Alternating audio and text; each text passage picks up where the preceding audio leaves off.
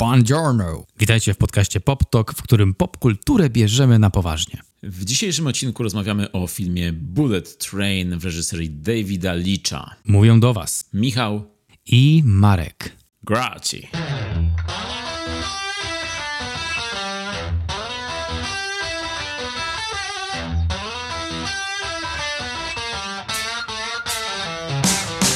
Jakiś czas temu, o, ale entuzjastycznie to powiedziałem, jakiś czas temu, powiem tak po polsku, szerowaliśmy info o filmie nadchodzącym z Joaquinem Phoenixem, czyli Jokerem, drugą częścią, Żartowniś 2. Joker! Żartowniś. Podtytuł Lekarz też baba. Dokładnie tak. Tak, to, jest, to są oficjalne nazwy wypuszczone przez Best Film. Także taki film wyjdzie niedługo i już wiemy kiedy, bo to będzie 10 kwietnia 2024 roku i wiemy już na 1200 miliardów procent, że rolę Harley Quinn będzie grała Lady Gaga. Widziałeś to pewnie gdzieś, już było all over the place. Słyszałem, widziałem na Twitterze ten filmik, który Gaga udostępniła krótką animację potwierdzającą te informacje. Yo. Yo! Idealny rym! Tak, słyszałem fajnie, fajnie. Właśnie już wcześniej rozmawialiśmy o tym kilka odcinków temu i już wtedy mówiłem, że super, czemu nie? Chętnie to zobaczę i brzmi obiecująco. Wszystkie te informacje, które do tej pory podali, a jest ich niedużo, wszystkie brzmią obiecująco. Ja tylko się poprawię, że chodziło o 4 października, a nie o 10 kwietnia. E, w innych wiadomościach, innych, ale podobnych, bo a propos DC, to nie wiem, czy słyszałeś, że Warner Brothers, czyli stajnia, z której, w której DC teraz stacjonuje, chciałem powiedzieć, staj, staj, sta, stajnionuje. Stajnionuje. No to co tam się wydarzyło? E, w Warner Brothers, które połączyło się niedawno z Discovery i stał się z tego taki jeden wielki konglomerat medialny. W tym momencie Michał robi wielki znak synergii nad głową.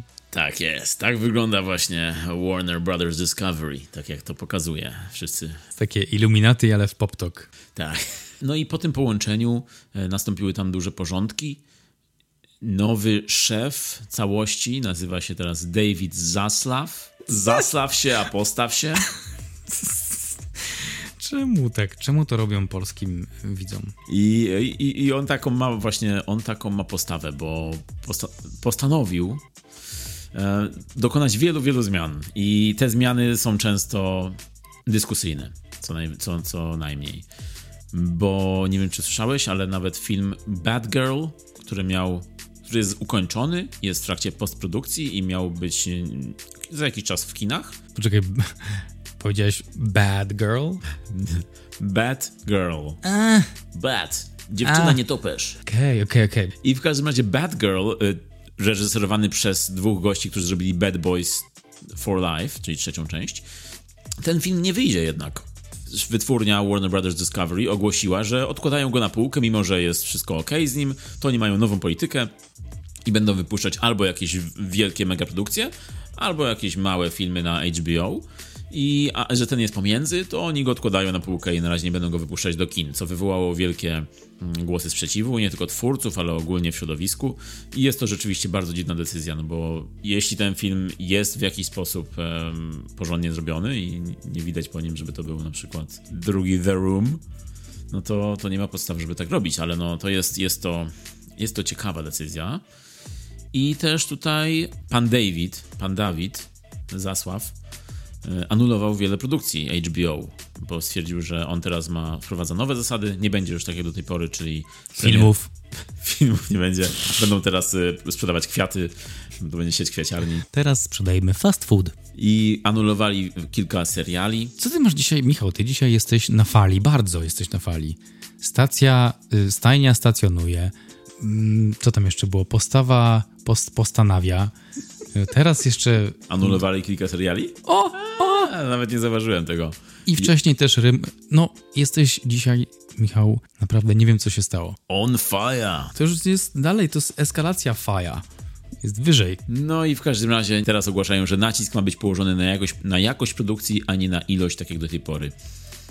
Są to, są to ciekawe zmiany, bo nie było to aż tak odczuwalne. Oprócz decyzji o tym, żeby jednoczesne premiery były filmów w Chinach i na HBO, co było rzeczywiście dziwnym pomysłem, to oprócz tego no, HBO nie, nie wyglądało jakby mieli problem. Bardziej Netflix może wyglądać jakby miał problem, ale HBO czy Warner Brothers jednak im do, dosyć dobrze idzie.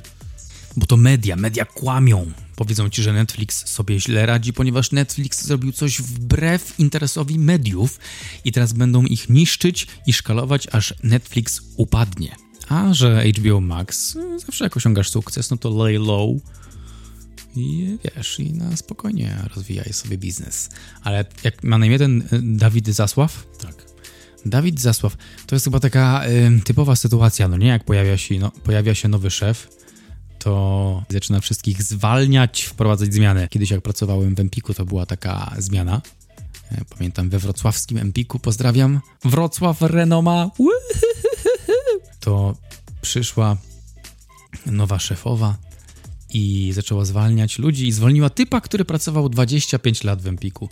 Just because changes. Nie mogę powiedzieć, że było jakoś o wiele lepiej, gdy te osoby podchodziły, bo potem przychodziły różne osoby tak na jedną sześćdziesiątą etatu z doskoku. Yy, no ale ja też niedługo potem się zwolniłem, więc who knows, man? Może są teraz super potęgą wrocławską. Nobody knows. Jeszcze też inne produkcje HBO e, ucierpiały, bo na przykład serial Wychowana przez Wilki Ridleya Scotta też został, został skasowany pod nowymi skrzydłami. W sensie wy, wyciągnięty z platformy, tak? Czy skasowany? Już więcej odcinków nie będzie. Skasowało produkowany serial, czyli już więcej starczy, powiedzieli. Ucięli. Wychowane przez wilki No More. Ale te, co stworzone są do tej pory, to zachowują, czy niszczą, tak. palą i książki robią ognisko z książek, ze scenariuszy? Nie wiadomo, co, co wymyśli David Zasław. Nigdy nie wiadomo. Zasław się, a postaw się.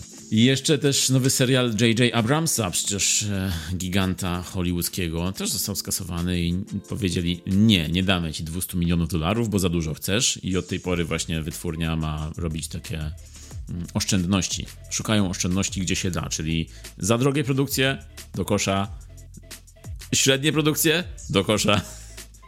Czyli po prostu będą wypuszczać jakieś um, filmy przyrodnicze i dokumentalne teraz tylko. First step, look for money. Być może to jest tak, że rozpasali trochę tych twórców do tej pory, Warner i HBO. I Netflix też zresztą, bo przecież ostatnio mówiliśmy o Greymanie z budżetem 200 milionów. I przecież to są ogromne pieniądze, które no pewnie mi się w jakiś sposób zwrócą, ale to nie jest tak, że wpuszczają film do kin i ten film zarabia tyle, co, co, co kosztował i jeszcze więcej. To nie jest jak z weselem. Dla niektórych oczywiście. No nie wiesz, że się... od talerzyka. No nie wiesz, że tak się mówi, że, że... Ale to ci się zwróci, Marek, to ci się zwróci wszystko. Zainwestuj. Że jak się idzie, to się daje w kopercie tyle, ile się było, tyle, ile kosztował talerzyk. Tak? I trochę więcej. I znaczy zależy, czy tę osobę lubisz jakoś bardzo. Albo dajesz w kopercie na przykład kupon karnet do siłownia. Tego nie dajesz, nie. Znaczy wiem, że jak będziesz na moim kiedyś, to, to mi to dasz. To ja tobie pewien. to dam, wiesz co ci dam? Może nie karnet na siłownię, bo już mam, ale, ale coś, coś, nie wiem, jakiś bilet mi dasz. Zużyty z Cinema City. Nie, nie, czekaj. I'm a, I'm a think about it. Um... ale teraz ci temat zapuściłem, co? Nowy wall na Pinterestie zatytułowany Prezenty dla Marka. Dam, co ja mu dam? Michał, serio jeszcze myślisz? Jesus, bo! to musi być. Teraz jest, teraz poprzeczka jest wysoko zawieszona, więc to musi być coś dobrego. No to co byś mi dał? No dobra, no to ja bym ci dał... To będzie jakieś spalone momentum, no nie? Tyle na to czekałem, że... Nie, nie, wiesz, to już nie ma szans, żeby to było coś dobrego. Um, ale mógłbym ci dać... Ale doceniam, że tyle o tym myślisz. Wydrukowałbym e, zdjęcie z Marysią Dębską. Yes! to by było to. I byś pewnie jakąś dedykację tam napisał, to co ja wtedy powiedziałem. Tak, pewnie. albo bym ci wrzucił, e, wiesz co bym ci wrzucił tę rolkę filmu do aparatu i napisałbym ci, e, czy chcesz sobie zrobić ze mną zdjęcie. Pozdro dla kumatych.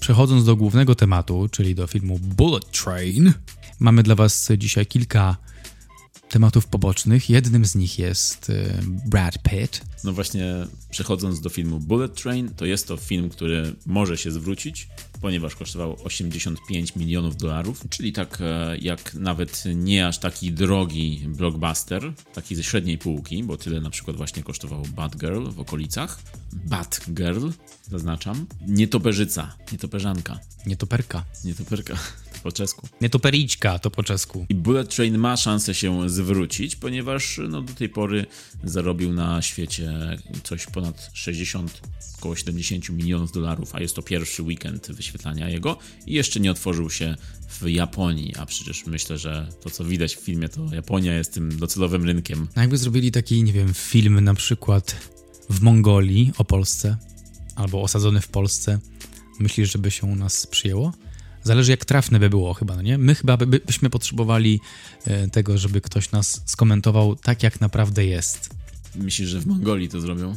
No wiesz, rzucam propozycję. No wiem, że pamiętam, że powstał już taki film Bitwa pod Wiedniem i to był film polsko-włoski No i opowiadał o... o obronie Wiednia. I nasz udział w tym jest jaki? Nasz udział w tym jest taki, że grała tam Alicja Bacheda-Curuś. Ale to nie była opowieść o Polsce. No właśnie jest to obrona Wiednia, bitwa pod Wiedniem, więc ani Polska, ani Włochy, jednak, Ani opowieść. ani opowieść e, jednak tutaj nie mieli, wiesz, e, to powinno bardziej powstać w Austrii, tak? Bullet Train, pociąg, który jest typowo japońskim pociągiem, bo on chyba to jest, to jest typowo japoński wynalazek. On y, przemierza tak z miasta do miasta, e, jeździ i jest bardzo szybkim pociągiem, który zatrzymuje się tylko na jednej stacji w jednym mieście i później jedzie dalej, tak? I on chyba przejeżdża przez cały kraj. Jedzie z Tokio do Morioki. Czyli nie, nie znam się na geografii Japonii. Czy to jest cały kraj? Nie wiem, senpai. No to jest to coś, co musimy nadrobić Już. w domu. To jest praca domowa. No i ten Bullet Train jest to nowe widowisko akcji. E, To jest film akcji slash komedia mm, z Bradem Pittem i najpierw porozmawiamy sobie właśnie o karierze, jak już wspomniałeś, o karierze Brada Pitta. Um, Brad Pitt, Marek, czy ty wiesz, kto to jest Brad Pitt? Brad Pitt to jest człowiek, który się urodził w grudniu, tuż przed gwiazdką. Nie. Tydzień. Nie. To jest... To jest jego brat. O Boże. Czekałeś z tym żartem, prawda? I waited. Czekałem. Czekałem, Dobrze, tak. dobrze wszedł, bo moja twarz się trochę zdziwiła. E, Ale byłem, byłem w ogóle, bo trochę czytałem o nim i byłem zaskoczony w kilku miejscach. Większość była taka, okej, to trochę wiem, ale część była taka, że wow, really? Syn kierownika transportu ciężarowego i szkolnej pani pedagog. To jest taka pierwsza rzecz, o której nie wiedziałem. I kolejna rzecz, o której nie wiedziałem, to to, że uczęszczał do liceum o nazwie Kickapoo. A myślałem, że to jest wymyślona nazwa. Tak jak w piosence Tenacious D. Dokładnie, dokładnie. Myślałem, że to jest kompletnie zmyślone przez Jacka Blacka, a jest naprawdę Kickapoo, czyli kopnij kupę. No jak uczęszczałeś do takiego liceum, no to musisz być trochę w głębi serca jajcarzem. E, Brad akurat zaczął od dziennikarstwa, a potem chciał być grafikiem w LA-u, ale w tej szkole, w której chciał być grafikiem, zaczął się uczyć aktorstwa. I uczył się 6 lat. I tego nie wiedziałem, że aż tyle lat się uczył aktorstwa. To jest dużo. To jest dużo lat. I to właśnie w tym czasie pracował jako ten sławny kurczak na, na, na ulicach LA. Ale oprócz tego rozdawał próbki papierosów lub e, był szoferem też prowadził limuzyny.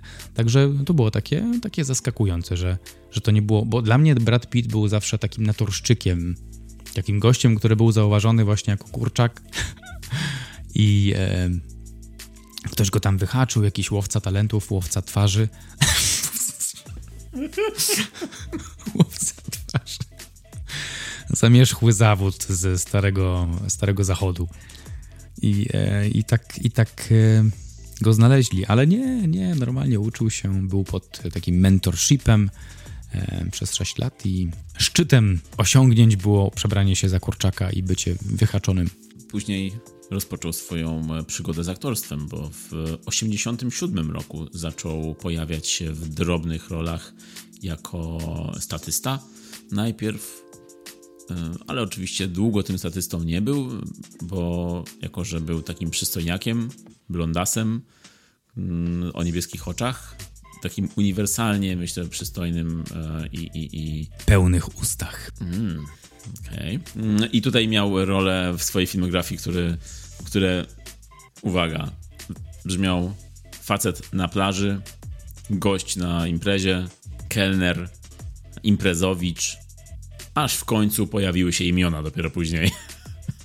Czyli zaczynał od takich właśnie małych e, rulek, byleby tylko tam gdzieś wystąpić, zarobić i nie, nie musieć już łapać się takich dorywczych prac.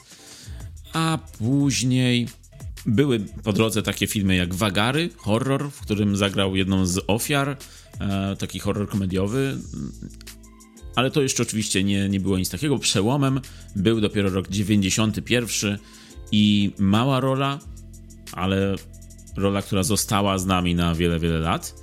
E, To jest rola JD w filmie Thelma i Louise. I szczególnie jedna scena w tym filmie, no bo Brad Pitt pojawia się tam e, dosyć późno. O, o, oczywiście głównymi bohaterkami są Thelma i Louise, ale po drodze zabierają auto stopowicza, który, którym jest Brad Pitt i który okazuje się takim drobnym przestępcą, e, ale takim Rzezimieszkiem? rzezimieszkiem, ale takim pociągającym rzezimieszkiem, bo on tam ma scenę, w której bez koszulki, z klatą na wierzchu um, udaje przed jedną z nich, że, że po prostu napada na coś. I to jest scena, która weszła do kanonu. Czy to jest ta scena z suszarką?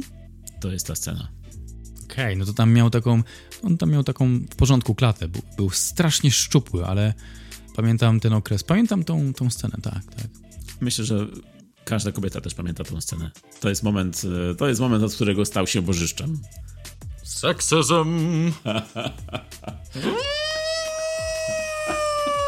Dobra, dobra. Każdy pamięta tę scenę, bo to jest moment, od którego stał się bożyszczem. No i od tej pory mm, stał się takim bad boyem kina, bo pod Thelma i Louise przyszedł na przykład film Kalifornia, gdzie miał dosyć taką e, psychotyczną rolę, ale nadal był tym blond przystojniakiem Bradem Pittem.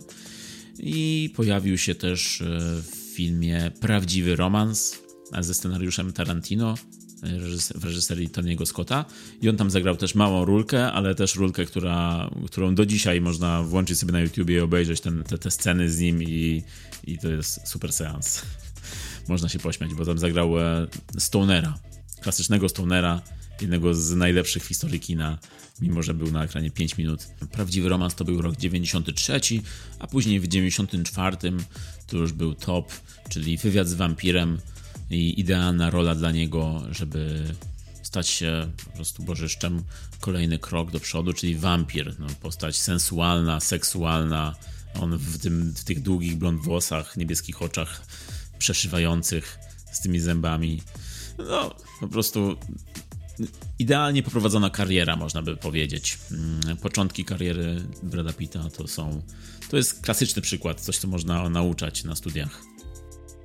Jego ścieżka. Tak, jego ścieżka kariery. No i za rolę wampira w wywiadzie z wampirem dostał zresztą razem z Tomem Cruzem Złotą Malinę. Oprócz też takiego wyróżnienia faktycznego, to dostał też antynagrodę, co jest cie- ciekawe, że jednocześnie a z drugiej strony boo. No, Złote Maliny miały takie potknięcia, e, wiele razy się im zdarzało i to było myślę takie trochę na pokaz, bo wiadomo, Tom Cruise, Brad Pitt, że tacy, tacy, tacy popularni aktorzy, oni lubią na, nagradzać takich w dużych rolach, które są w jakiś sposób bardzo popularne obecnie. Ale po latach okazało się, że jednak to, to był zły pomysł, tak mi się wydaje, bo no bo to, to, był, to był film, który był ok, role też były ok, sprawdziło się to wszystko.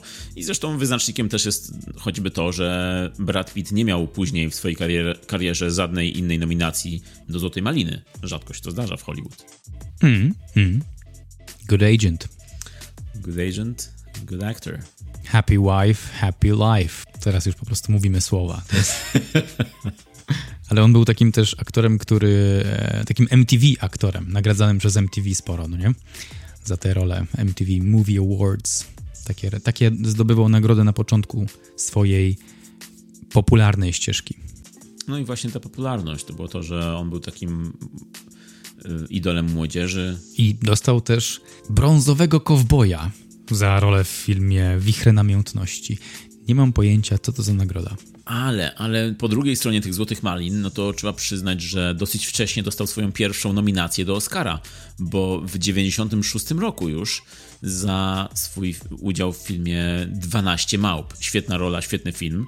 I to jest rola, e, to jest rola, która była bardzo wcześnie w jego filmografii, bo to był 96 rok, a wywiad, z wampirem 94, Telma i Louise 91, czyli 5 lat po, po, po tym swoim takim wybiciu się.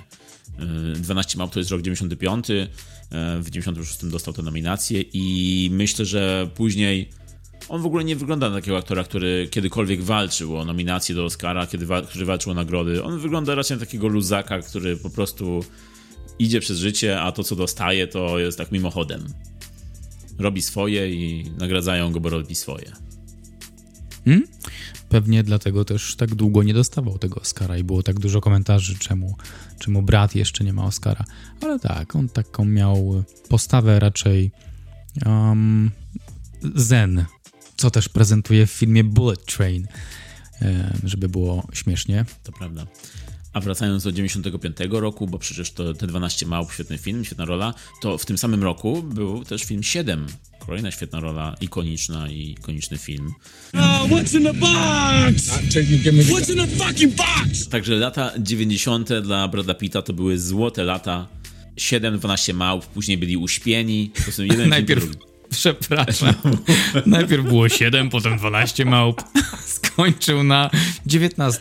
Skończył i powiedział, nie dostaję Oscara, kończę z tym, koniec, Koniec z tymi małpami. małpami. Ile można tych małp? Myślałem, że jak będzie ich więcej, to będę miał lepszą nagrodę, ale nie. Tak, szedł w górę. Dobra, dobra, ale do 26 dojdę i koniec. Ale przy 12, jak już nic się nie stało, to To stwierdził, że nie i zrobił dalej 7 lat w Tybecie. No tak, no i właśnie uśpieni, um, z 7 lat w Tybecie, Joe Black, no i już 99 rok, dosyć wcześnie w, te, w tej karierze jest Fight Club, Podziemny Krąg. A znacie zasady Fight Club? Dlatego nie będziemy więcej o tym mówić. I dlatego idziemy do, dalej do następnego filmu, którym jest Snatch, Przekręt. Mm, on tam grał cygana z takim bardzo dziwnym akcentem, ciężko się go rozumiało. You like Dax? tak, świetna rola, świetny akcent i właśnie ten akcent to jest coś, ta, ta zabawa akcentem to jest coś, yy, co powraca w filmach i w postaciach Brada Pitta, bo przecież później Bękarty Wojny też zabawa akcentem i nawet Bullet Train jest tutaj scena zabawy akcentem. Także Przekręt kończy lata 2000 u Brada Pitta, naprawdę świetne lata i to nie jest tak, że kończy i później nadchodzą lata suche, ale idą kolejne lata złote, bo tam są kolejne filmy takie jak Ocean's Eleven, klasyczne filmy, jest um, Troja, e, Pan i Pani Smith, um, Babel, także no, no i jest też zabójstwo Jesse'ego Jamesa. E, rok po roku praktycznie Brad Pitt aż do dzisiaj um, utrzymuje poziom swoimi rolami i filmami, które wybiera. On nie jest taki, że gra w byle czym, tylko naprawdę dobiera te role, jakby były stworzone dla niego. Dokładnie. No i pamiętajmy, że przez wiele lat wybierał rolę statystów, ludzi y, anonimowych. No i, no i dobrze, że do tego poziomu doszedł. Przeszedł pewną drogę. Na pewno nie wskoczył w to jakoś tak z, z, ze świata zewnętrznego. Jak Harrison Ford chyba, no nie? On trochę tak z... Jest o nim z kolei taka legenda, że z cieśli, czy tam stolarza do ściganego. Robił stoły i meble dla gwiazd Hollywood i w ten sposób się dostał do Hollywood. Ale Brad Pitt nie. Właśnie tutaj swoją ciężką pracą, chociaż trzeba przyznać, że miał o tyle łatwiej, że wygląda naprawdę dobrze i to mu na pewno pomagało na wielu castingach. No wiesz, ja tutaj to jest dla mnie człowiek wątpliwej atrakcyjności. Jest tak, że not really man, you look weird. Really? Your face is very weird. Jest oczywiście atrakcyjny fizycznie i e, tutaj szacun dla niego za to, że tak jest, no bo to, to jest jego praca, że tak wygląda, ale wizualnie Brad Pitt is like, no, I'm team, I'm team Jolie, już bardziej niż Brad Pitt. What? Nie jest jakiś im starszy, im starszy, wydaje mi się tym nawet lepszy, ale młody wyglądał jak, e, jak bardzo dziwnie. No on jest typem takiego właśnie blondyna o niebieskich oczach i ma taką bardzo klasyczną urodę, można powiedzieć, myślę. Taką jak Mozart? Jak e, Ludwig van. Hmm, no tak, kiedyś, kiedyś może pamiętam, że był straszny szał na Brada i na Brangelinę i na Braniston i wszystkie te mieszanki power kapelowe. Kapelowe. Kapelańskie. Ale teraz tak jak e, cofam się wspomnieniami, to nie, brat, nie. Not really. Not my piece of cake, though. Nigdy nie był w twoim typie. Nie znalazł się tam. No ale jednak e, u większości świata e, w serduszkach się znalazł. Ja jestem, ja jestem, o, Paul Rudd. Team Paul Rudd. On jest spoko. Ja jestem też Team Paul Rudd, ale jednocześnie jestem Team Brad Pitt i tutaj oni myślę, że są bardzo blisko siebie. Hey, Hej, look at us. Look at us. look at us. You're so cool. Hej, Hey, look at us. look at us. Look at us. No właśnie, on jest trochę taki nawet z, z takiego zgrywusowego bycia, bo Brad Pitt jednak, e, mimo to, że jest takim cool dude, luzakiem, to mimo wszystko ma to poczucie humoru, które i w filmach, i w wywiadach zawsze eksponuje. Aha, true that. A Paul Rudd jest, y, jest chyba taki bardziej jeszcze zabawowy. Brad Pitt trzyma taki swój fason, trochę widać, że ma takie mm, demeanor, takie swoje, taką postawę, taką e, właśnie cool surfera, duda, a Paul jest taki bardziej, powiedziałbym, kolesiowski, koleżeński, taki. Nie ma chyba, nie ma tej takiej postawy. Nie ma takiej granicy tutaj. No, No, no. Rzeczywiście, tak, no to prawda. Chociaż Brad Pitt jest y, bardzo sympatyczny w takim usposobieniu i nic z siebie nie robi, jest skromny, zabawny, widać, że jest duszą towarzystwa, e, a, ale jednak czasem w wywiadach zdarza się, widziałem takie wywiady, kiedy ta granica nagle, się, nagle znika i pojawia się w nim taki filmowy nerd.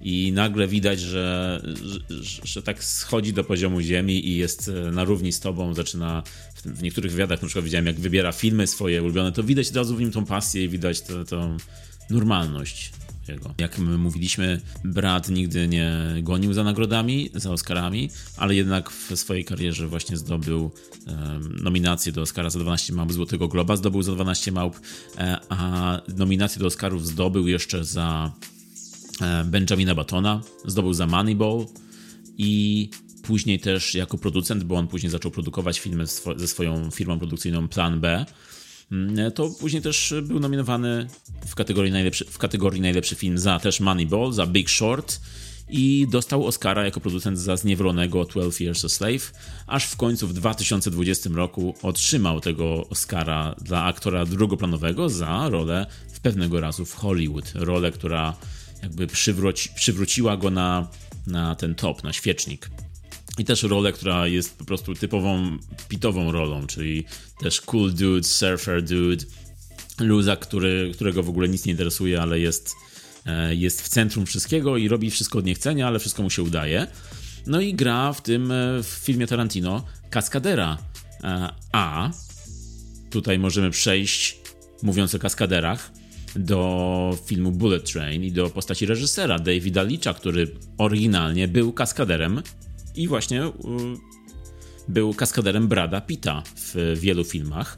Jego kolega po fachu, Mm, a teraz Brad Pitt gra u niego, gra u Davida Leacha, który już reż- reżyseruje film Bullet Train. Bullet Train, dzisiejszy główny temat. Natomiast zanim przejdziemy, jeszcze quick question, Michael.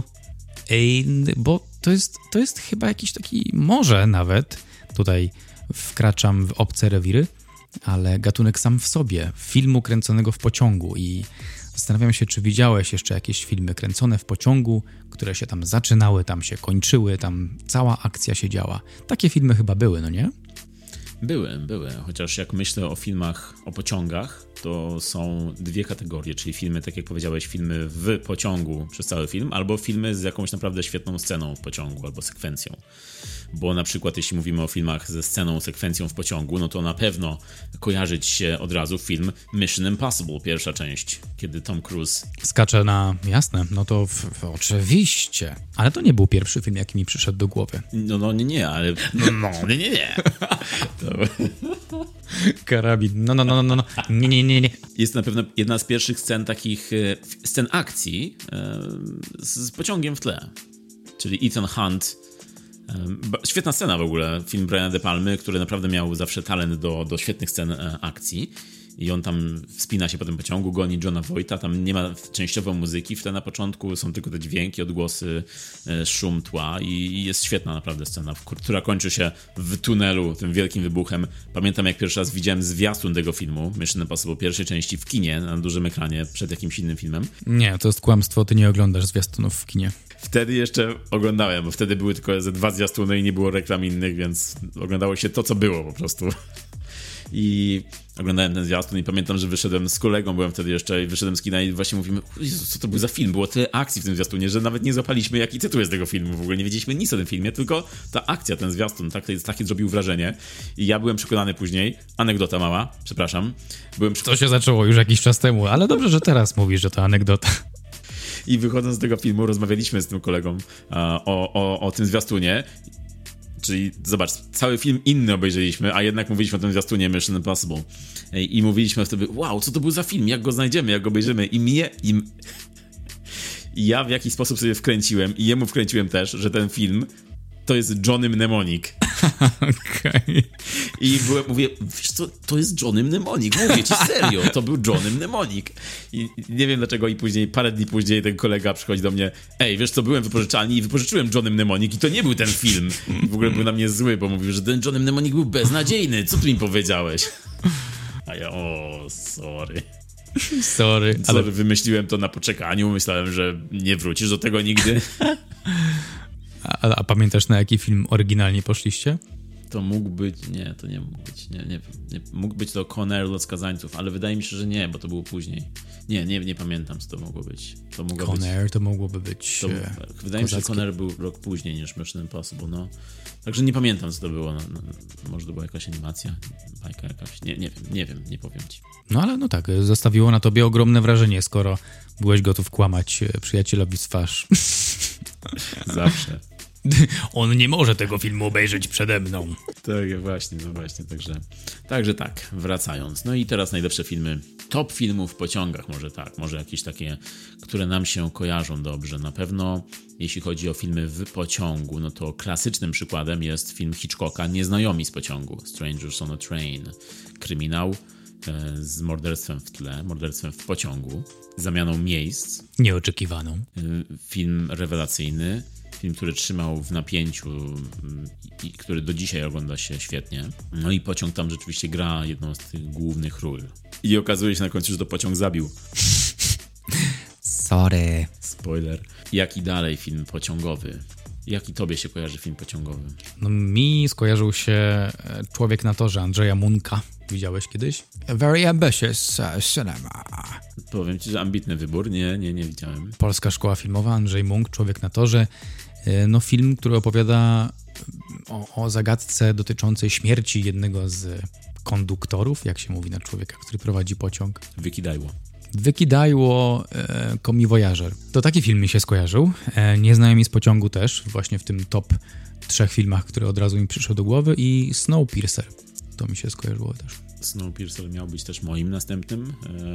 Rzeczywiście to jest film też, w którym pociąg jest głównym bohaterem praktycznie. I, i, tam, I ta scenografia w ogóle, ten wygląd tego pociągu, design i to, że oni mieszkają w pociągu i jadą cały czas przed siebie. No, no super film, mm, bardzo dobre kino. E, Nie tylko akcji, ale też kino, które ma coś więcej do powiedzenia. Zresztą reżyserowane przez Bong Joon-ho, czyli twórcę Parasite. Ale tutaj mi idziesz Moonkiem, czyli wiesz, bardzo, bardzo duże ambicje. No to ja ci to punktuję teraz, powiem ci Liberator 2. Steven Seagal w pociągu. Oh man. To, to, było, to była jedyna możliwość, kiedy mówisz o Munku, to Steven Seagal. Słuszny wybór. Także Liberator 2, nazywany często szklaną pułapką w pociągu. Myślę, że Liberator wystarczy. To jest taka nazwa, że nie, nie wiem, czy potrzebujemy jeszcze podbijać to McClainem, no ale Steven Seagal jako kucharz, slash e, najemnik, slash bohater kina akcji, slash Steven Seagal. Walczący z czarnym charakterem, granym przez Erika Bogosiana. Też bardzo fajny czarny charakter, fajna, me, większa niż życie postać w tym filmie. Mm, Także Liberator 2, e, wybór VHS-owy typowo. to już w tym charakterze, Michael.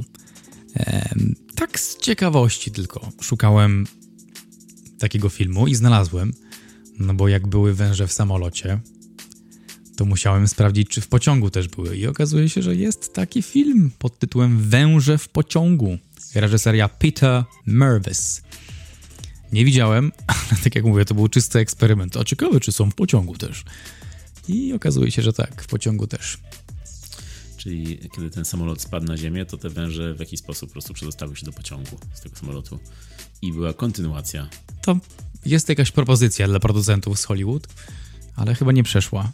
Wydaje mi się, że to bardziej może być jakiś e, z tych rip-off, takich e, z tanich wersji dużych produkcji, takich właśnie jak Asylum, mówiliśmy kiedyś o wytwórni Asylum, to właśnie może być ten przypadek, że węże w samolocie weszły na ekran, także oni zrobili węże w pociągu, ale nie oglądałem też. Wiem, że musimy kiedyś wrócić do tego filmu w e, cyklu Trash Talk.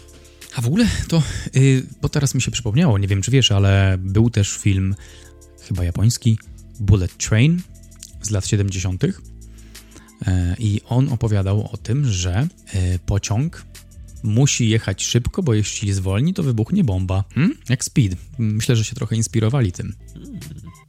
Tego nie wiedziałem. Widziałem, że był taki film kiedyś, ale nie zagłębiałem się w to.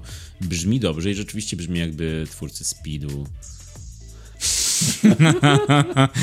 O tak, wejdźmy w to. Jakby twórcy e, Speed e, oglądali kiedyś ten film, bo, bo to, to brzmi bardzo dobrze, ale to jest, taki, to jest taki koncept, który robisz raz w życiu.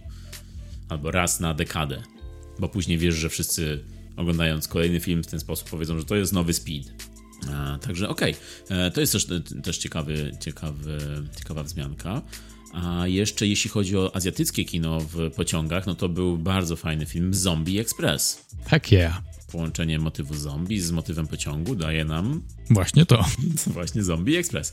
E, Film, który mimo tego, jak to brzmi, zombie w pociągu, brzmi tak dosyć tanio i, i, i śmiesznie, to naprawdę jest fajnym, trzymającym w napięciu filmem, który ma dużo fajnych patentów i ma pomysł na siebie. Ale jeszcze e, odbiję tego twojego munka innym e, polskim, ponieważ też jest jeszcze film Pociąg w reżyserii Jerzego Kawalerowicza, film w pociągu, który się dzieje i też film Przypadek e, Kieślowskiego z Lindą, w którym pociąg e, ma bardzo dużą rolę mm, takiego katalizatora zmiany losu całkowitej. E, Także dwa jednak polskie filmy były pociągowe, a też nawet naszych sąsiadów był film bardzo dobry, bo pociągi pod specjalnym nadzorem.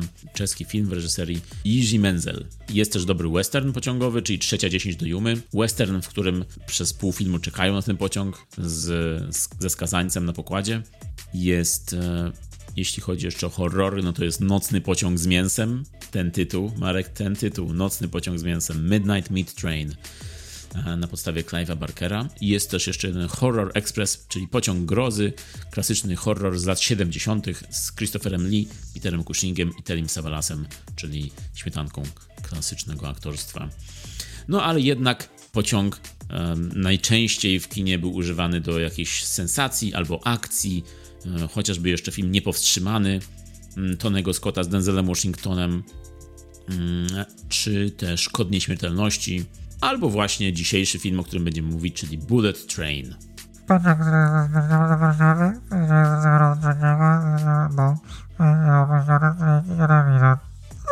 Ding, ding, ding, ding, ding, ding, ding, ding, ding. Pięcioro zabójców znajdujących się w szybkim pociągu jadącym z Tokio do Morioki odkrywa, że ich zlecenia są ze sobą wzajemnie powiązane. Powstaje pytanie, kto wyjdzie z pociągu żywy i co ich czeka na stacji końcowej. I co ty myślisz, Michał? Dobry był ten film? No bo w ogóle co to jest za film? To jest film e, akcji przede wszystkim. Dużo się dzieje. Dużo postaci, humoru. I tutaj trzeba, chyba trzeba dopowiedzieć, że widzieliśmy ten film w 4DX Zdecydowanie trzeba to powiedzieć. to, to, to gdyby, nie, gdyby nie to 4DX, to ja nie wiem, czy byłbym taki content. Ale polecam wam w 4DX to oglądać. Wtedy wiesz, że siedzisz w pociągu. Bo tutaj to nie, to nie wyglądało tak, że ej, musimy iść na to 4DX. To było takie mimochodem, po prostu było 4DX o tej godzinie, poszliśmy i nie mieliśmy jakichś wyż, wysokich oczekiwań na do tego 4DX, ale okazuje się, że jeśli film akcji dzieje się w pociągu, to naprawdę warto obejrzeć go w 4DX. Trzęsie cię jak w PKP. Tak, i, i, i jeśli jesteście wystarczająco odważni, to możecie też włączyć sobie wodę na trysk z przednich siedzeń. Nawet nie trzeba, bo jak ktoś z przodu przed tobą siedzi to i ma włączoną wodę, to ty to też czujesz. Tak, ale ta woda z, ze ścian e, imitująca deszcz, to było spoko. I ten wiatr. to te efekty, no i trzęsące się fotele, bardzo fajnie. Ten wiatr w 4DX zawsze mi przeszkadzał, bo oglądasz film, oglądasz i nagle słyszysz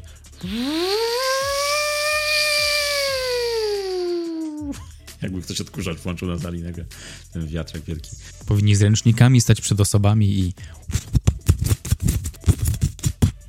Jestem za tym. David Leach, twórca tego filmu, reżyser, e, od, od niedawna reżyser, od tak można powiedzieć kilku lat. licz nie jak pijawka, no nie? Tak samo się czyta, ale pisze się inaczej, tak. Brad Pitt mówi na niego Leachy. Jak owoc. Pieszczotliwie, tak. I David Leach e, zaczynał od po prostu kaskadera. Był kaskaderem, później zaczął e, tworzyć choreografię walk, choreografię akcji, aż w końcu stał się gościem, do którego się po prostu dzwoni, e, jeśli chce się dobrą akcję na ekranie. I on razem ze swoim partnerem firmowym, czyli Chadem Stachelskim, z którym współtworzy firmę em, kaskaderską, fir- firmę choreografii akcji 8711, a teraz się nazywa to 87 North, mm, bo zmieniło nazwę. Oni stali się takimi go-to guys, czyli gośćmi, do których się udaje w Hollywood, kiedy chce się zrobić akcję, która wygląda imponująco, czyli często są filmy akcji, których e, walki są szybko cięte.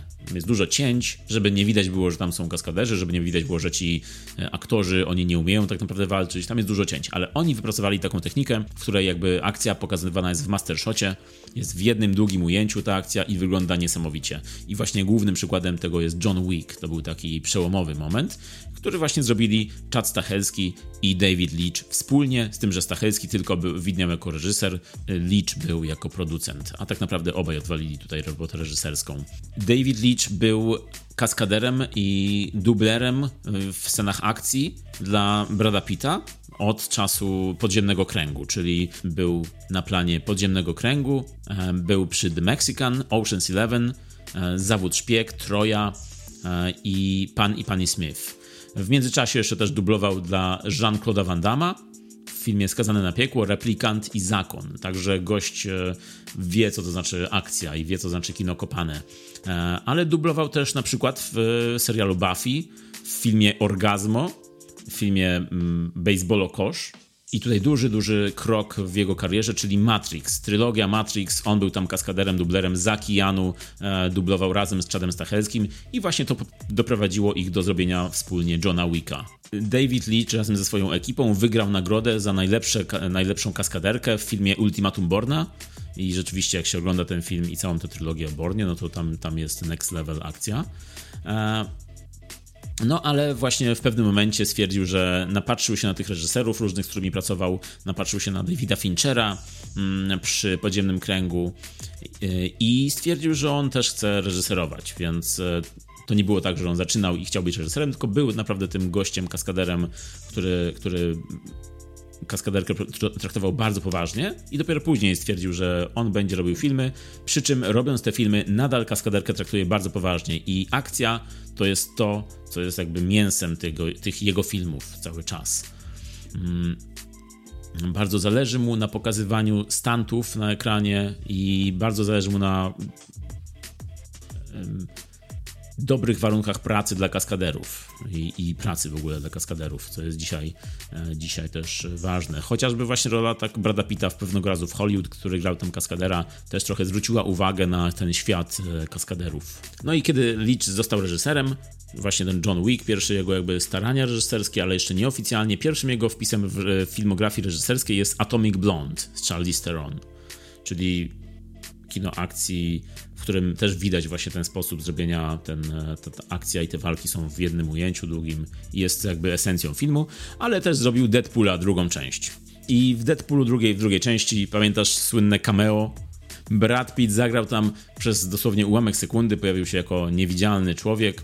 E, I ciekawostka, zagrał w tym filmie za darmo, pojawił się na jeden dzień na planie, tylko pokazał swoją twarz na, na niebieskim tle e, i poprosił tylko o kawę. I nie chciał pieniędzy żadnych w zamian i stwierdził, e, stwierdził później, że była to najłatwiejsza rola w jego karierze, a zrobił to dlatego, że jego kolega po prostu Leach zadzwonił do niego i poprosił. Także widać po nich, że są na tyle blisko, są w, w takim towarzystwie, że po prostu dobrze się czują ze sobą i mogą grać ze sobą i tworzyć filmy wspólnie, e, bo tak.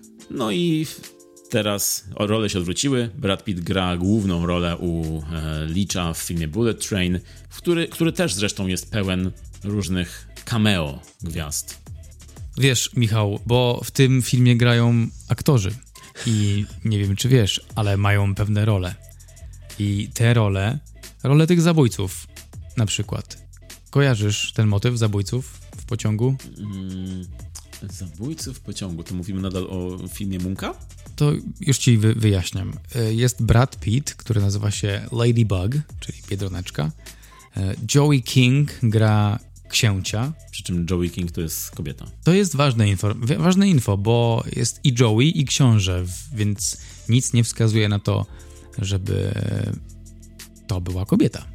Tak, ja na przykład patrząc w napisach na koniec filmu, bo, bo, bo intrygowało mnie, kto grał właśnie tę postać damską i nie, nie, zauwa- nie zauważyłem, bo Joey King myślałem, że to jest jakiś facet, więc nie.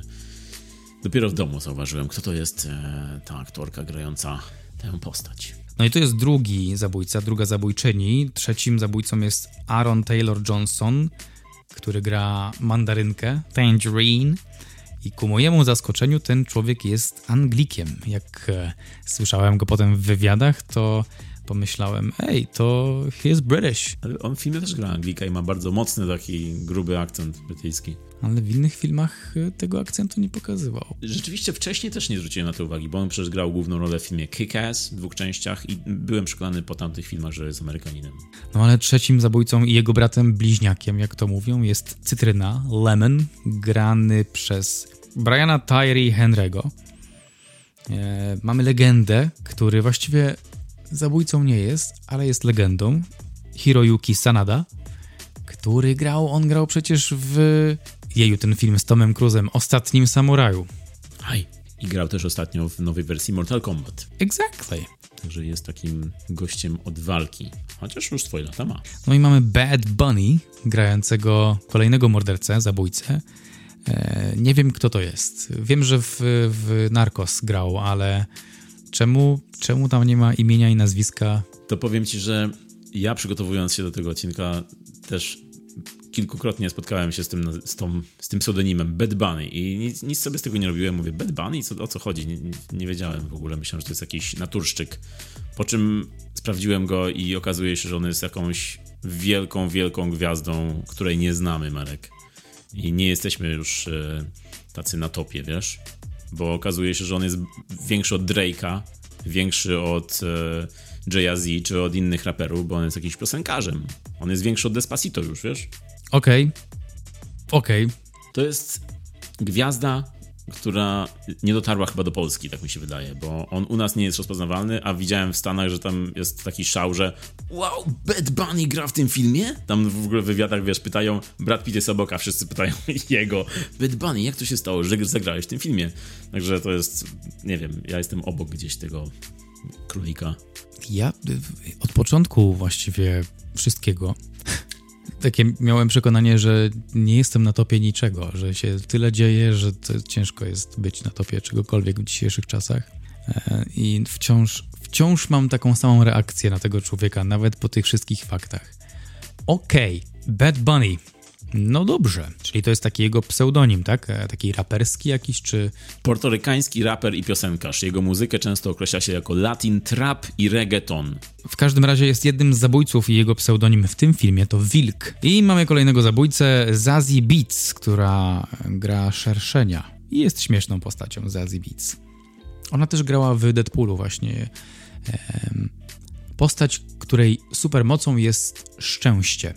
Taki fart właściwie. Bardzo lubię Zazie Beats jak zobaczyłem ją w tym filmie, bo ona nie pojawia się na początku, tylko dopiero gdzieś tam w połowie, to jak zobaczyłem, że ona tu gra, to tak, tak zacierz miałem na twarzy, bo bardzo lubię ją oglądać i wizualnie, i ogólnie jej postaci, zawsze jej sposób gry, zawsze, zawsze dobrze ją widzieć na ekranie. W Jokerze grała, grała w Deadpoolu 2 i grała w filmie Zemsta rewolwerowca. Tam też bardzo fajną postać mm, zagrała w atrakcyjny sposób. Także jest tutaj takie małe, mały reunion Deadpoolowy w filmie Bullet Train, bo jest i e, reżyser Deadpoola 2 i jest właśnie Zazie Beats i jest też Brad Pitt, który pojawił się w cameo, a może jest też ktoś jeszcze, nie wiadomo. No ale jeszcze ważną postacią w tym filmie, postacią e, złą jest wielki Michael Shannon, proszę Państwa. Aktor charakterystyczny, który jest też przy okazji aktorem e, popularnym hollywoodzkim. Zawsze dobrze widzieć go na ekranie. Kiedy w filmie jest Michael Shannon, to automatycznie jakoś tak w górę ta, ta, ta e, ocena idzie. Tym bardziej, że tutaj wygląda jak e, e, wygląda jak stary Jim Morrison. Jakby Jim Morrison się zestarzał, co nie, nie było mu dane, to pewnie wyglądałby właśnie tak jak postać Michaela Shannona w tym filmie. Też się bardzo cieszę z tego, że Michael się pojawił. Lubię go, lubię go oglądać. Fajny aktor, dobre role wybiera. A czy miałeś jakąś swoją ulubioną postać właśnie wśród tych zabójców? Bo te postaci ogólnie nie są wszystkie, to nie są tak dobre postacie, no bo to są zabójcy jednak, tak, to, są, tak, to jest film, e, który, w którym nie ma jakiejś dobrej postaci, tylko to są raczej wszyscy galeria złoczyńców, ale można mieć swoją ulubioną. Miałeś taką? Miałem taką obserwację, że mimo, że są to antybohaterowie, którzy są źli i odbierają ludziom życia, to kibicowałem, to była właśnie ta zabawna rzecz, że kibicowałem e, każdemu z nich. Oprócz Joey, she was a, she was a crazy case, e, ale cała reszta była zabawna po prostu w tym i, i ciężko było wybrać. No oczywiście Brad Pitt był taką naj, najjaśniejszą postacią z tych wszystkich, bo jego jego motywacją, w, nawet przy wykonywaniu swoich zleceń, był taki pokój, zen, mm, taka miłość do bliźniego, którą świeżo wprowadził, taka praca nad sobą wynikająca z jego terapii. I to była taka najjaśniejsza postać, ale ta para braci była też taka, że chciało im się kibicować. Widać było, że i Brad, i, i mandarynka, i cytryna jakoś tam się docierali. I był potencjał na to, że się pogodzą i będzie z nich taka paczuszka Można powiedzieć koktajl owocowy. z biedronką. Z, tak. Nie wiem, czy chciałbym wypić. Może koktajl owocowy z Biedronki. O, wtedy by siadło. E, więc nie, jedna. Ciężko wybrać jedną osobę. Jedną osobę, której bardzo nie lubię, mogę wybrać, bo nawet Michaela Shannona lubiłem. Ale, ale Joey, tą, tą dziewczynę, co, co tak. No, ona grała bardzo nieczysto i tak, no nie fajnie. Not cool, man. I była przy tym też irytującą postacią, trzeba powiedzieć. I w ogóle jej takie te, te, te oczy takie wielkie i ta twarz takiej naburmuszonej nastolatki nie pomagały. No nie, no nie, nie. No ale, no, ale to znaczy, że chyba dobrze to zagrała, skoro y, czuliśmy jakąś niechęć do tej postaci. E, No, jeśli o mnie chodzi, to na przykład Brad Pitt, to wiadomo, Brad Pitt. I to, że on gra tę postać, no to sprawia, że ta postać jest ok, bo tak naprawdę jak, jak oglądałem, to nie czułem, żeby to był bohater, żeby to, była, żeby to był główny bohater. Mm, Bo on jest, y, no, taki troszkę nijaki, jest niby jako że, ta, jako, że, jako, że mówią na niego biedronka, no to przyciąga, z jednej strony mówią, że przyciąga pecha, chociaż z drugiej strony tak naprawdę jest, e, wychodzi zawsze cało z jakiejś opresji, więc tak naprawdę przyciąga z drugiej strony szczęście, ale jego charakter w tym filmie, to, że on właśnie rzuca te żarty, on ma jeden żart praktycznie, to, że chodzi do psychoanalityka i on próbuje się jakby uwolnić od przemocy, że on nie używa pistoletów, nie używa broni, że on chce być teraz zen. I to jest ten jeden żart tej postaci przez cały film. Według mnie było to trochę takie z lat 90., takie już wiele razy było ograne ten, ten motyw, taki, że postać nie używa przemocy, od tej pory jestem, e, schodzę na inną drogę. Także ta postać była taka trochę z recyklingu. I gdyby nie to, że grało ją Brad Pitt, no to byłoby gorzej. Ale że to jest Brad Pitt, no to on ma taki naturalny luz w sobie, że, że fajnie się patrzy na tę postać. Ale jednak najbardziej podobał mi się Brian Tyree Henry jako cytryna, lemon. On był taki charyzmatyczny i rzucał fajne teksty, przy czym rzucał je z kompletnie poważną twarzą. I czuć było, że jest twardy, ale przy tym taki sarkastyczny, ironiczny. Podobały mi się jego dialogi i styl bycia. I jego fryzura, blond. No i jego akcent wypracowany też. Cytrynka e, przecież nie mówi z takim brytyjskim akcentem, ale w filmie pracował nad tym. W ogóle ich dialogi, tych braci, mm, Aaron Taylor Johnson i właśnie Brian Tyree Henry, okazuje się, że były w dużej mierze improwizowane. Czyli oni tam mieli jakieś kwestie napisane w scenariuszu, ale oni twierdzą teraz, że oni w ogóle się nie trzymali tego scenariusza, że po prostu jechali, jak krzyczeli akcja, to po prostu jechali i dialogi improwizowali, przy czym wymieniali kilka tam przykładów dialogów, które znalazły się w filmie, które są dobrymi dialogami i właśnie oni je wymyślili na poczekaniu. Te dialogi są często szybko bardzo zapodawane, tak jak właśnie trochę mi przypominało styl Gaja Ricciego, właśnie porachunki, przekręt, tak jak y, postacie w tych filmach. Oni rozmawiają właśnie tak jak postacie w tych filmach. No tak, pamiętam, że właśnie Lemon i Tangerine, Lemon and Tangerine na castingach, na czytaniu em, bardzo dużo chemii pokazywali i to też spodobało się Leachowi i chciał mieć to u siebie w filmie. Więc dobra decyzja, bo oni rzeczywiście jak są razem, to mają takie swoje flow. Trochę jak my! Yo! Bullet Train 2? Hmm? You? Me? You, me, you, me. Pop Talk Train? Czy Bullet... Nie, nie, nie. Pop...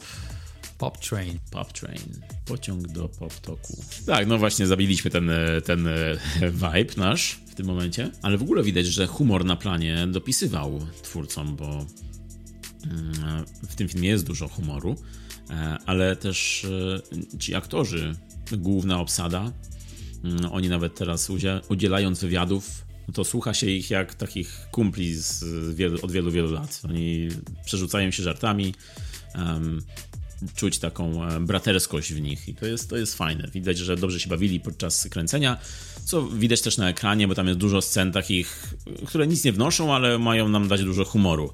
E, chociaż wiele z tych scen na przykład według mnie nie działa tak jak powinno. E, choćby powracające żarty. Tu jest dużo powracających takich running jokes. Jest żart z Tomkiem i przyjaciele, z bajką Tomek i przyjaciele, czyli z tym pociągiem gadającym, który parę razy trafia, ale większość razy, a jest tam bardzo dużo razy wymieniany Tomek i przyjaciele, to większość z tych żartów jednak jest taka ok. Niektóre są ta, takie zabawne, ale, ale uważam, że przydałoby się jakaś, przydałoby się trochę uciąć niektórych, e, niektóre z tych żartów, bo niektóre lądują na podłodze gdzieś po prostu. Za dużo jest tego, za szybko podawane i, i, i jakość przy tym traci. No ale z drugiej strony akcja, bo akcja jest jednak esencją tego filmu. Jak ci się podobała akcja? Bardzo. Akcja, no tam była tylko, ten, czysta akcja była, to było super. Super doświadczenie. Bardzo mi się przypominały filmy lat 90., takie akcje z filmów lat 90. E, to była taka esencja. Tak, zabranych z tych filmów jest, było to, co naprawdę pyszne, wrzucone tutaj i e, wiadomo, że był trochę palcem po wodzie pisany, ale, e, ale nawet, nawet na to nie zwracałem uwagi, bo po prostu to była czysta przyjemność. Z, z jednej sceny w drugą scenę ciach, ciach. Szybko się działo wszystko, to wszystko pasowało do tego tempa, em, więc no ekstra. Dobry reżyser na dobrym miejscu. Tak, reżyser myślę, że dużo tu zdziałał właśnie z tą akcją, e, bo oryginalnie w ogóle ten film miał być poważnym filmem, bo to jest adap- adaptacja książki, adaptacja książki Maria Beetle, tak jest tytuł książki, napisała, napisał ją Kotaro Isaka, czyli japońska książka i ta książka jest właśnie poważna, tam nie ma komedii, ale jednak reżyser David Leitch zmienił ton filmu i stała się to komedia akcji. Także akcja rzeczywiście jest na bardzo wysokim poziomie. Trochę przypominała mi serię Szybcy i Wściekli, te późniejsze części ostatnie, e, bo dzieje się tam dużo szybko i absurdalnie, ale właśnie to sprawia dużą frajdę też, oglądanie tych walk i akcji. A walki też są bardzo fajnie zrobione, no bo jednak te choreografie, e, choreografie walk Brada Pitta, czy właśnie tych pozostałych aktorów, czy też później już na koniec filmu, finałowe walki robią największe wrażenie, myślę kiedy do gry wchodzi Michael Shannon i Hiroyuki Sanada, to wtedy się robi najgoręcej. W ogóle ten film był, e, był dobry, dobrze zrobiony, dobrze przyjęty przeze mnie. E, Też w podsumowaniu mam kilka komentarzy na ten temat. Natomiast nie wiem, czy e, nie mam nie mam za bardzo materiału, by głębiej wejść w, w, w ten film. Był po prostu dobrze zrobiony i dobrze przyjęty. I wydaje mi się, że ta właśnie jego jakość to trochę nawet może być minus tego filmu, bo nie za bardzo jest o czym gadać. To był. Może będzie o czym gadać za jakieś, nie wiem, 15-20 lat, gdy już się tak porządnie zestarzeje i, e, i będziemy mogli wracać do tego filmu jak do Zabójczej Broni albo jakichś innych filmów akcji lat 90. No ale teraz był po prostu okej. Akcji było dużo, było, była to naprawdę czysta przyjemność. E, Aktorzy, no nie był, nie był to pokaz zasięgu em, aktorów emocjonalnego takiego, em, tylko po prostu grali tak, tak dynamicznie, tak jak powinno być. No właśnie o tą akcję rzeczywiście też, też e, mam tutaj gdzieś wysoko w mojej ocenie, bo akcja była najlepszym w tym, w tym filmie. Trochę, ja bym tutaj trochę z, po pierwsze skrócił ten film, a po drugie trochę tego humoru może bym też mniej dał, bardziej bym zrobił z tego poważne kino akcji takie. Em, I myślę, że by mi się wtedy lepiej oglądało. E, ale było tutaj na przykład dużo takich fajnych, małych momentów. Takie fajnie zainscen- zainscenizowane cool momenty, jak na przykład e, scena, kiedy czarny charakter e, wkłada jedną kulę do, do rewolweru i tak ten bębenek przeładowuje, na, tocząc go na swoje ręce. Bardzo, bardzo ładnie zrobione, takie slow motion i powracająca scena, która trochę przypominała mi filmy Tarantino, takie, taki szczegół, ale który jest doprowadzony do, taki, do aż do, on doprowadzony jest do, tak, do fetyszu, na, taki, do fetyszu tego bohatera. I w ogóle trochę sceny przypominało mi Kill Billa na przykład Tarantino. E, Szczególnie właśnie te takie sceny typowo japońskie, czyli walki z na miecze, mm, czy też e, mm, mm, momenty, kiedy ninja się tam pojawiali. E, To trochę mi to Kill Billa przypominało, chociaż wiadomo, że w Kill Billu było to lepiej wszystko pokazane, ale były, było tam mimo wszystko tak kilka wizualnie ładnych ujęć dopracowanych, które bardzo fajnie się oglądało w kinie. Zresztą na przykład takie małe rzeczy jak historia butelki, która jest pokazana w retrospekcjach, e, czyli z perspektywy całkiem innej, z perspektywy butelki są pokazane różne akcje, no to są bardzo fajne pomysły, które takie pomysły mi się bardzo podobały w tym filmie właśnie. Podpinam się pod to. W ogóle słyszałem, że twórcy mieli taką tablicę z liniami czasu wszystkich bohaterów, na, tworząc ten film. I właśnie na tej tablicy jedną z tych linii była butelka.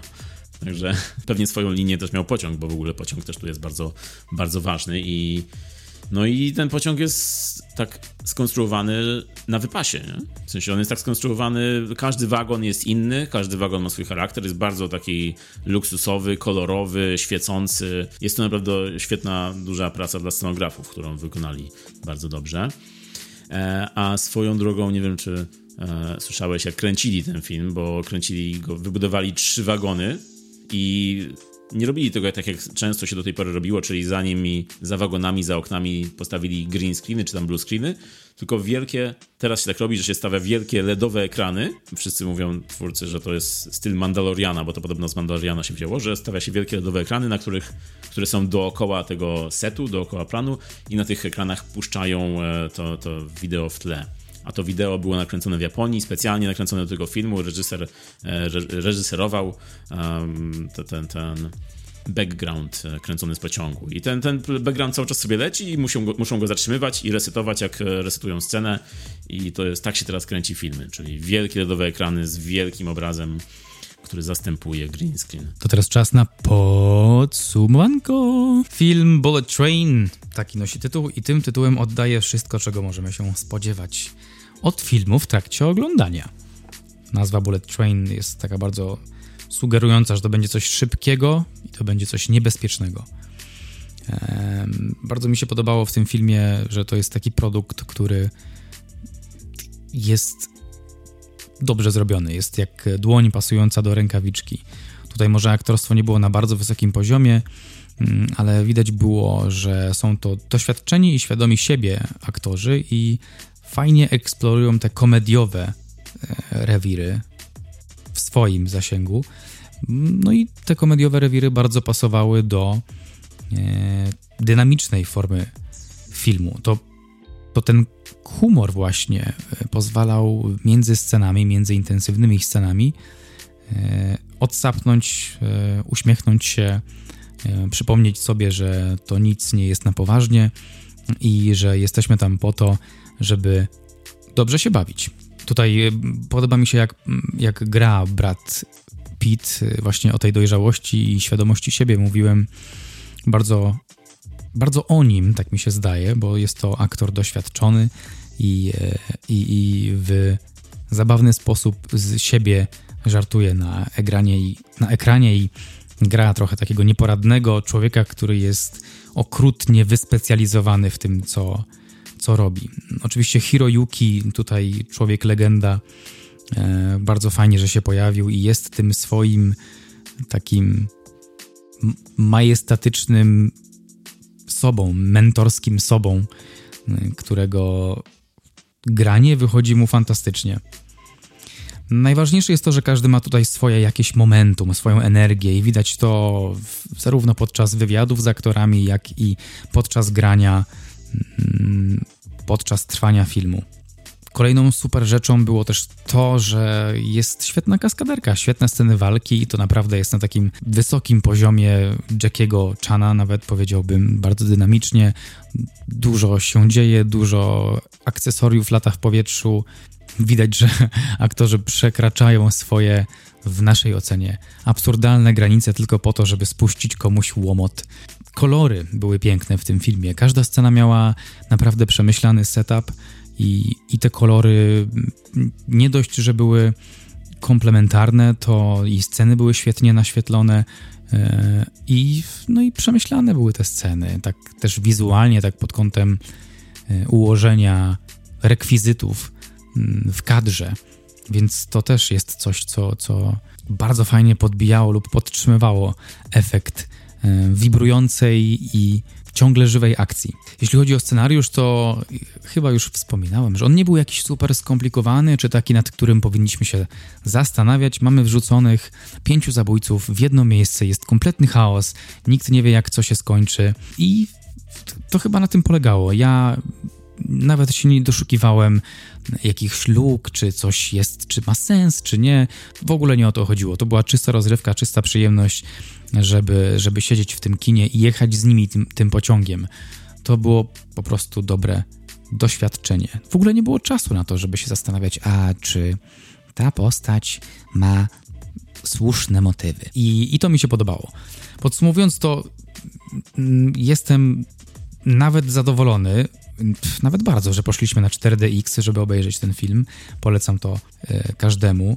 Naprawdę czułem, że siedziałem tam z nimi na tym fotelu w pędzącym pociągu, zwłaszcza gdy ten e, miał jakieś turbulencje, to i my mieliśmy te turbulencje, czy jak były sceny walki i ktoś dostawał kopem w plecy, to my też tego kopa dostaliśmy, albo jak ktoś kogoś przewracał, to my też byliśmy przechylani w tym fotelu. Czy jak e, były sceny w deszczu, to też w, tym deszczu się znaleźliśmy. Więc e, to był dobry pomysł. Spontaniczny, ale dobry pomysł. Styl filmu bardzo mi przypomina wściekłego Tarantino i to było super. I też wspomniałeś Tarantino dzisiaj wcześniej. Totalnie się z tym zgadzam. Em, Było dużo takich właśnie zbliżeń, takich trochę fascynacji japońską kulturą, takich em, przedstawień postaci w swojej charakterystyczności i, i, i takiej akceptacji tej charakterystyczności. Humor też według mnie trzyma wysoki poziom i em, pełni rolę buforu między scenami akcji. Teraz nawet myślę, że, że ten film w ogóle powinien być wypuszczony tylko w 4DX, nie w jakimś tam lipnym 2D. Także ja daję mocne 7 plus z serduszkiem i na 10. E, No i polecam, polecam serdecznie na, na odsapnięcie od e, rutyny dnia codziennego. Oddaję głos do studia. Dziękuję Ci, Marku. No to jeśli o mnie chodzi, Bullet Train, e, kiedy mm, film się zaczynał, bo nie wiedziałem nic o fabule wcześniej, ale kiedy się zaczynał, kiedy tam były wzmianki o wężu, myślałem, że to będzie coś mm, w stylu właśnie Snakes on a Train, węże w pociągu, ale nie, bo taki film już powstał, jak już mówiłeś. E, Za to tutaj e, w tym filmie okazało się, że jest to taka mieszanka e, Quentina Tarantino właśnie z Guyem Ritchiem e, w pociągu z japońskim klimatem, a wszystko przerobione przez świetne oko do akcji Davida Leacha, reżysera.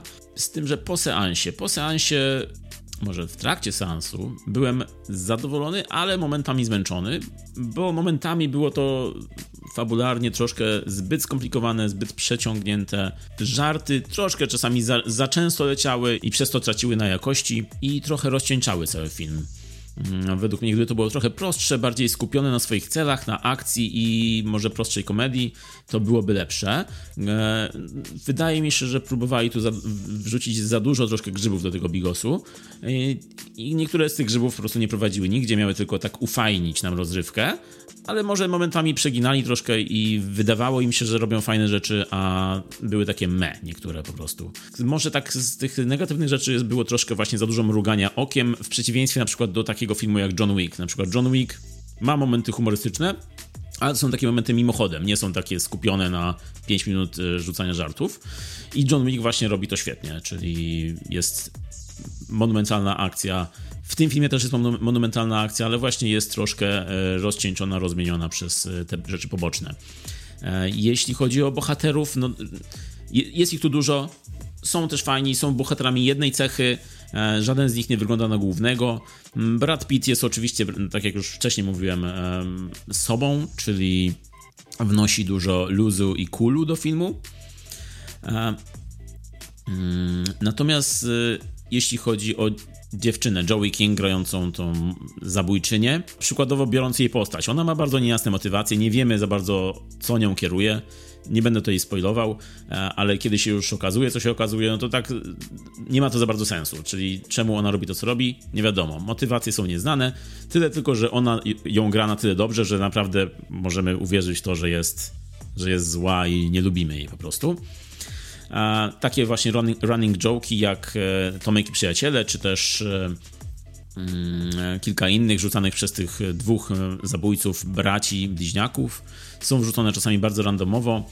Mm, tak jak na przykład niektóre niespodzianki aktorskie, też tu nie będę spoilował, jest taka jedna niespodzianka aktorska na koniec filmu wrzucona, która na początku wy- wywołuje, o, fajnie, ale zostaje tak przyciągnięta do samego końca, że wygląda jakby to cameo było wrzucone bez powodu, tylko tyle, żeby kogoś pokazać fajnego, ale ta osoba nic nie robi na ekranie, po prostu odchodzi niezręcznie z głównym bohaterem w, po prostu w jakimś kierunku i tak jakby, tak jakby po prostu była bohaterem w jakiejś grze komputerowej, która po prostu jest, jest, jest partnerem głównego bohatera i musi iść za nim. Trochę tak to wyglądało, ale nie będę tutaj nic zdradzał.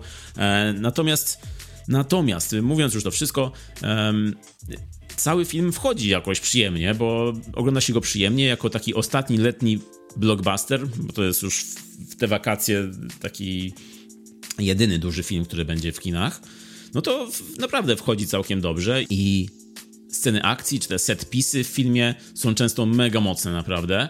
E, Zresztą reżyser jest jednym z lepszych reżyserów akcji e, dzisiaj, a film kryje w sobie kilka niespodzianek, które pozwalają cieszyć się seansem, właśnie jak, jak e, różne fajne pomysły, fabularne czy wizualne. No i przede wszystkim właśnie ten klimat filmu z Jackiem Chanem, o czym wspomniałeś też w swoim podsumowaniu. Te stanty, te numery kaskaderskie, e, popisy w długich ujęciach. To jest wszystko trochę w stylu Jackiego Chana i to jest duży plus na pewno tego filmu. Dużym plusem też jest muzyka, japońska wersja Staying Alive na propsie. Soundtrack cały jest fajny. E, także 4DX, jak już Marek powiedział, nie spodziewałem się, że to powiem, ale ten film naprawdę 4DX wiele zyskuje. E, I co, no, ja obejrzałem, było to przyjemne. Może było to bardziej przyjemne podczas oglądania niż właśnie jak myślę o tych niektórych rzeczach, które mi się nie podobały, ale mimo wszystko jako rozrywka, jako czysta letnia rozrywka daje taką szósteczkę e, jako film niezły, e, film do obejrzenia na raz, który przyniesie pozytywne emocje. Awesome, awesome. To co? Dojechaliśmy do stacji Dojechaliśmy cali i zdrowi, a mówili do Was Michał. i Marek. Do zobaczenia, usłyszenia w następnym. Cześć. Arrivederci.